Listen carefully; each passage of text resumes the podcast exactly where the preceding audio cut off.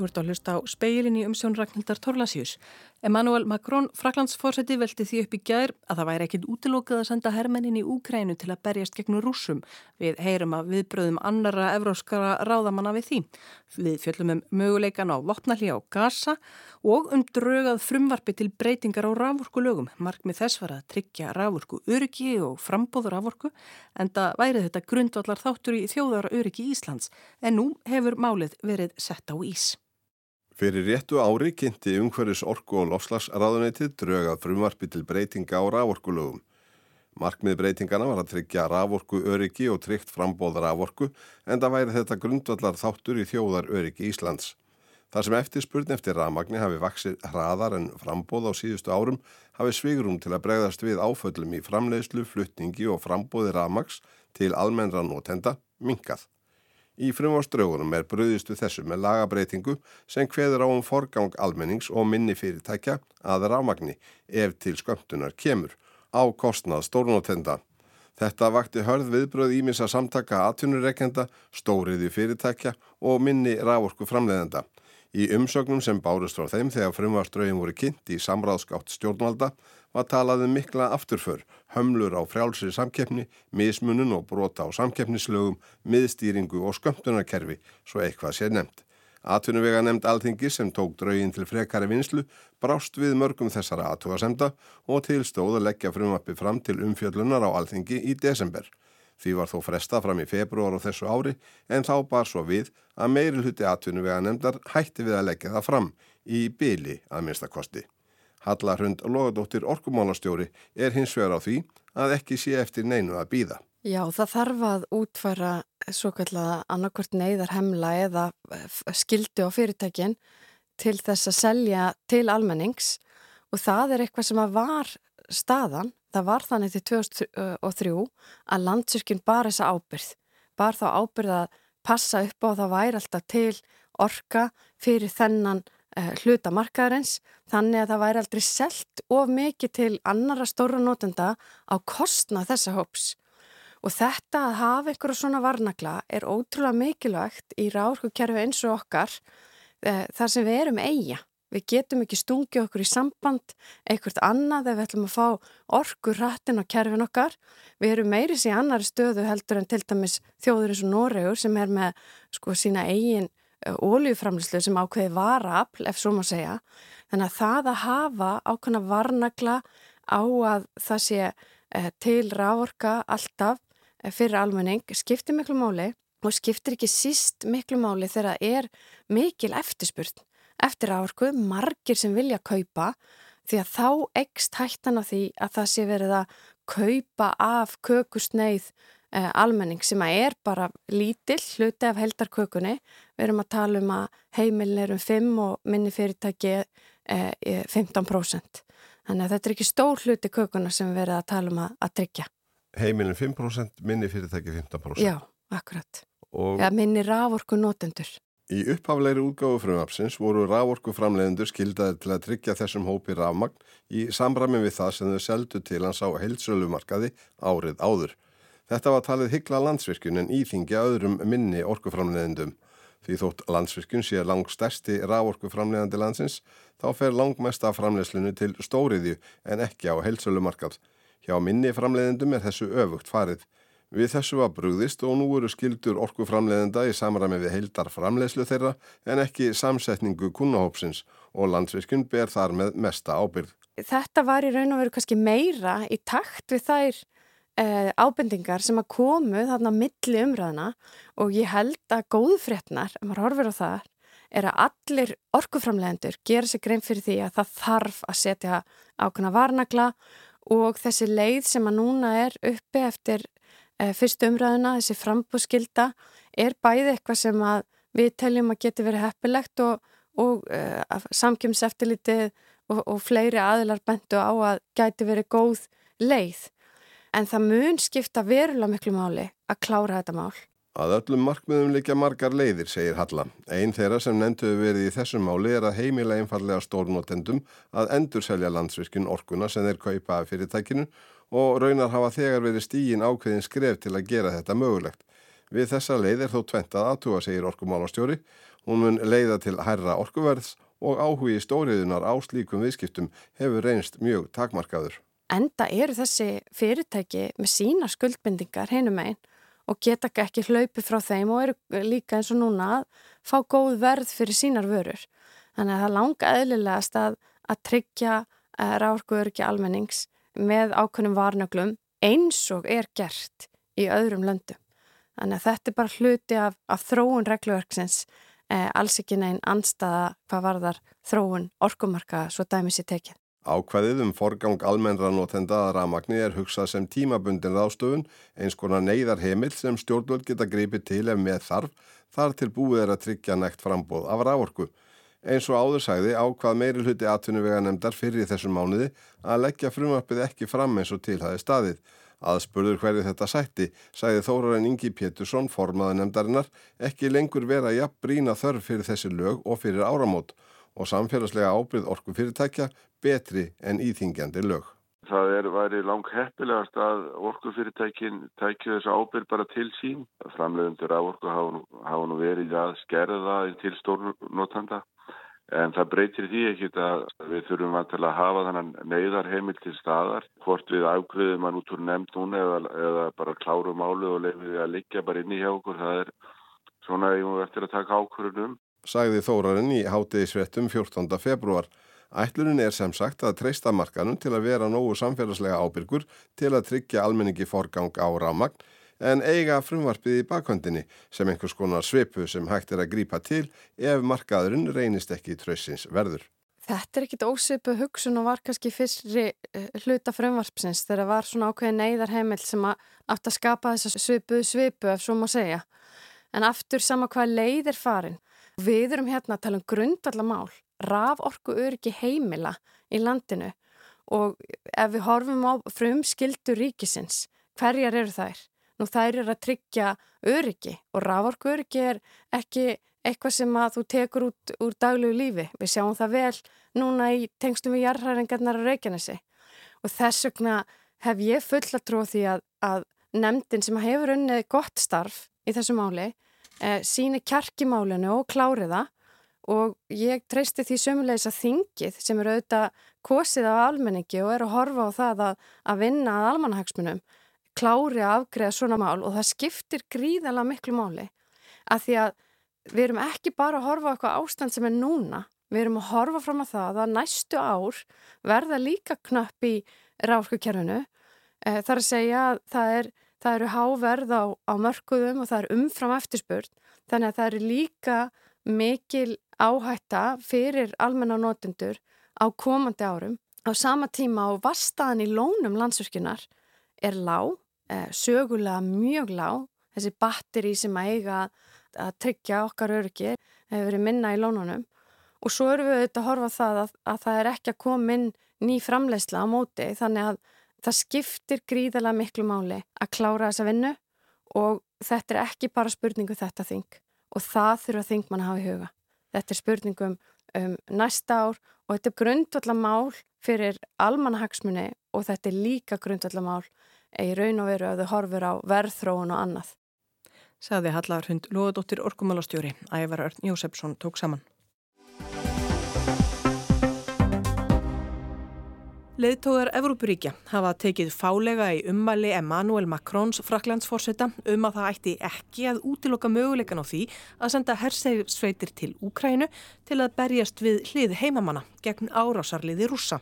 Macron let þessi orðfalla á ráðstefnu þjóðarleðtóða sem að frakkar blésu til í Paris í gær. Þar var rætt um hvernig væri hægt að halda áfram að styðja Úkrænu. Og Björn Malmqvist, fréttamaður í Brussel, hefur fylst með þessari umræðu Björn, þessi ummæli Makrons hafa vakið nokkra aðtikli en er þetta ekki eitthvað sem hefur verið rætt ofinbarlega áður? Nei, ekki með þessum hætti þótt maður hafi vissulega heyrt kvíslingar um hugmyndir af þessu tægi og það eru óstæðfesta fregnir um að það séu hermin af einhvers konar tægi frá Európa og bandaríkinu og statir í Ukrænum þá er Makrón fyrsti Európa-leitóðin til að tala svona opinskátt um þetta eins og hann gerði í gerð. Hann sagði vel að merkja að það væri engin sátt um þessar hugmyndir en það ætti ekki að útilaka neitt. Við skulum heyra brotaði sem að Makrón sagði á bladamannafundir eftir þessar ástöfni í gerð. Il n'y a pas de consensus aujourd'hui pour envoyer de manière officielle assumée et endossée des troupes au sol, mais en dynamique, rien ne doit être, rien ne doit être exclu.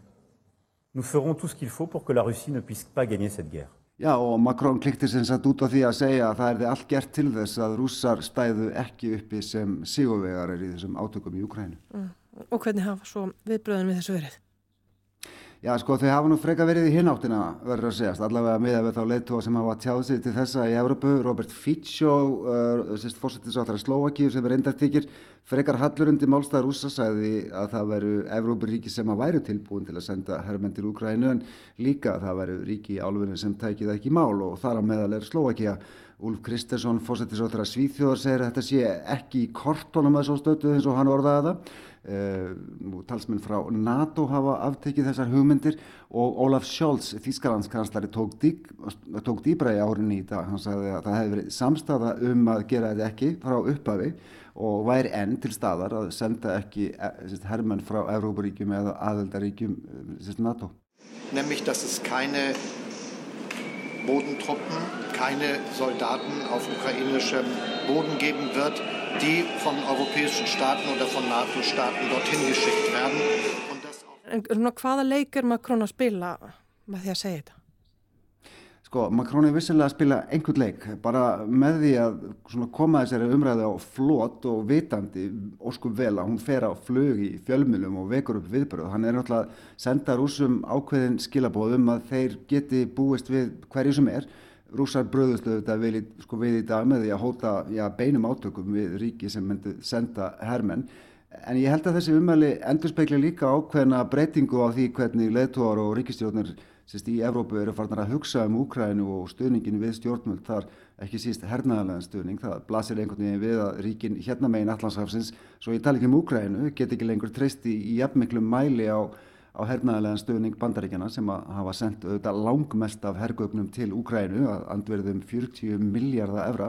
Það er ríki sem að kemst næst þessu er reyndar Þískaland með 17 miljardar evra og það hefur verið áætlað að Evrópuríkin þurft að tvöfalda núverandi hernaðarlegan stöðning til að svona halda upp í slaganum ef að, að bandaríkin gangur skaftinu. En, en getaðu það? Já, það er stóra spurningin og það stendur einlega nýfurinn í kunni ef svo má segja. Európaríkin eru núna vissuleiti að svona súpa segja það því að hafa ekki lagt mjög mikla áherslu á vopnaframleðslu undanfarinn 30 árið eða svo síðan kaldast stríðinu lauk og allt útlitt var um tíma allavega að Rúsland yrði náið samstarfríki og hluti af því sem að kalla mætti Euróst samfélag á meðan að Európaríkin fóru bara að treysta enn frekar á bandaríkin og henstryk þeirra og trúa því að aukinn tengst viðskipta við rússamöndi tryggja frið og velsald í alfunni. Við sjáum þetta kannski á því að fyrir áratug, árið 2014, voru þrjú ríkin að NATO sem að verðu meira en 2% af þjóðaframlæslu í varnar og öryggismál. Það var með 2014 sem að ríkin í bandalæginu ákváðu að, að þetta ætti að vera viðmiðið í, í útgjöldum til varnar og öryggismála, 2% af þjóðaframlæslu. Að þessu ári verðu þau orðin átján af 32 og Þískaland þar að meðal í fyrsta skipti í þrjá áratígi. Vopnaframleysla í Evrópu hefur verið að aukast og áherslan hefur verið til staðar undanfærin ár, sérstaklega út af framferði rúsa í Úkrænu. En þessi, þessi framleysla og þessi umræða hefur líka markast á deilum um, til dæmis um fjármögnun, hver er ég að borga fyrir skotfæri og herbúnað og hver er ég að kaupa þau. Frakkar hafa til dæmis alltaf viljað að evróskir framleiðendu séu í forgangi. Mark Rúte sem er starfandi fósettisáþara Hollands og reyndar mögulega næsti framkvæmdastjóri NATO, hann var spurður um þetta eftir leðtóafundin í Paris í gær, hvort eitthvað haldbært hefði komið það fram. Anything concrete being decided uh, tonight? Yes, absolutely. And I think there was a great sense of urgency, particularly for the short term on ammunition uh, and on air defense. Uh, and particularly on, on ammunition, there is this great Czech initiative, which is buying worldwide Úttið myndist þarna á skotfæri og loftvarnir og framtakt tjekka sem ætla að standa fyrir því að kaupa skotfæri hvar sem er líka fyrir utan Evrópu, fyrir Ukrænumenn sem er í sjálfu sig merkilegt því frakkar viljast núna hafa látið að þeirri kröfu að svona vörður, að svona vörður verði kiftar af evróskum framleiðendum þeir eru að auka framleiðslu getuna í Evrópu en það tekur að sjálfsögðu tíma og tími er ekki eitthvað sem að Ukrænumenn viljast hafa mikið af þessa dagana. Nei, nákvæmlega. Takk fyrir þetta. Björn Malmqvist, fréttamaður í Brussel. Joe Biden, bandaríkja fórseti, var á kostningaferðalagi í New York í gær. Hann var gestur í kvöldþætti NBC sjómarpstöðvarinnar og brá sér út á götu með þáttarstjóranum Seth Meyers til að taka upp dagskrárkynningu fyrir kvöldið. Þeir áttu leið fram hjá einni að fann Lauvens eh, í spúðunum á Manhattan og fannst tilvalið að skella sér inn. Got mention, we've got coffee affogato. Mention, you got it. Fórsetin endaði á að fá sér mynduís og meðan þeir meir skættu sér á ísnum rætti hann við viðskiptavinni og nokkra fréttamenn sem voru komnir á vettvang. Hann var meðal annars spurur að því hvort honum virtist vopna hlið að vera í sjónmáli á Gaza. My, my national security advisor tells me that we're close, not done yet. And my hope is by next Monday we'll have ceasefire. Öryggisráðgjafin minn segir að það sé á næsta leiti. Þetta er ekki alveg komið en það mjakast. Ég vona að það verði komið vopnalli á mánudaginn kemur, svaraði fórsetin. Í kvöldþættinu bættan við að Ísraelsk stjórnvöld hefðu í megin atriðum fallist á að láta af árásum á Gaza í Ramadan, föstu mánuði muslima sem hefst 10. mars. Þessar upplýsingar þóttu saga til næsta bæjar og voru komnar í heimsfrettirnar á sveip stundu. Samningamenn frá Katar, Egiptalandi og Bandaríkjónum sem setið hafa á raukstólum í París að undanförnu með sendimönnum frá Ísrael og Hamas samtökunum hafðu ekkert látið frá sér fara. Reuters frettastofan greindi síðan frá því í morgun og hafði eftir ónemdum heimildarmönnum að Hamas samtökunum hefði verið sendt uppkastað samkumlagi um 40 daga vopnallið fyrir hvern Ísraelskan gísl sem þeir hafa haft í haldið frá 10. oktober yrði tíu palestinskum fangum sleft úr Ísraelskum fangelsum. Byrjað yrði að koma sjúkrahúsum og bakaríum í ganga nýju og 500 vöru flutningabílum yrði sleft til Gaza með hjálpargögn á hverjum degi. Ísraelsk stjórnvöld hafðu síðdeis ekkert tjáð sig um þessar upplýsingar. Basem Naim, sem annast alþjóðsamskipti frá Hamas, gaf lítið fyrir þar í viðtali við frettamann Breska ríkisútvarpsins BBC. It is not a deal. These are thoughts or uh, ideas have been discussed in Paris between the uh, mediators, Qataris, Egyptians and the Americans. Þetta er ekki samkómulag, heldur einugis vangaveltur eða hugmyndir sem samningamennirnir í París hafa kastað sín á milli, sagði Naim. Hann sagði að stjórnendur Hamas hefðu enn ekki fengið neinar formlegar tillögur um vopnalli. Form, Og ef við fáum þessar tillögur sem formlegt tilbúð getum við ekki gengið aðví, bætti næum við. Forgangsverkefni Hamas væri ekki að skiptast á föngum, heldur binda enda á stríðið. Eftir allt sem á undan væri gengið, mann tjón og tján og eignum, væri órök rétt að samþykja neinn tilbúð nema þau fælju í sér varanlegt vopnallið Fólk á flóta fengi að snúa aftur heim og byrjað yrði að endurreisa Gaza. Benjamin Netanyahu, fórsættis ráþeira Ísraels, hefur marglýst fyrir yfir að hernum verði skipað að ráðast á borgina Rafa. Þar sé síðasta vígi Hamas og árás sé óumflíðaleg eigi að ráða nýðurlugum samtakana. Benny Gantz, sem á sæti í herrmálaraðunetti Ísraels, sagði á dögunum að árásinn hæfist í upphafi Ramadan, það er 10. mars eða svo. Þrýst hefur verið á Ísraelska ráðamenn að hætta við árásina. Í Rafa eru samankomin alltaf 1,5 miljón gasabúa. Blóðbað saklausara borgara blasið því við ef af hótuninni verður. Meðan á allu þessu gengur fyrir botni miðarar hafs fara fram sveitarstjórnarkosningar í Ísrael í dag. Þeim hefur tvívegis verið frestað vegna stríðsins. Yfir 7 miljónir eru á kjörskrá. Hermenn hafa greitt atkvæði síðustu daga í bráðabyrða kjörklefum sem komið hefur verið upp á gasa. Talið er að úrslitin eigi eftir að gefa til kynna fylgi landsmanna við Benjamin Netanyahu og stjórn hans. Forsættis ráþurann hefur verið undir miklum þrýstingi undanfarna mánuði vegna þess hver illa gengur að semja um að gísladnir frá því í oktober verði látnir lausir. Jæri Lapid, leiðtói stjórnaranstöðunar, skrifaði á samfélagsmiðlinum X í dag að sér virtust engin vandamál fylgja því að efna til kostninga þótt stríðs ástandi ríkti í Ísrael. Hann lagði því til að emti yrði til þingkostninga eins fljótt og auðið er til að landsmenn getur losað sig við Netanyahu og hans fólk. Ásker Tómasson sagði frá. Fleira er ekki í speklinum, tæknimaður var Kári Guðmundsson, verði sæl.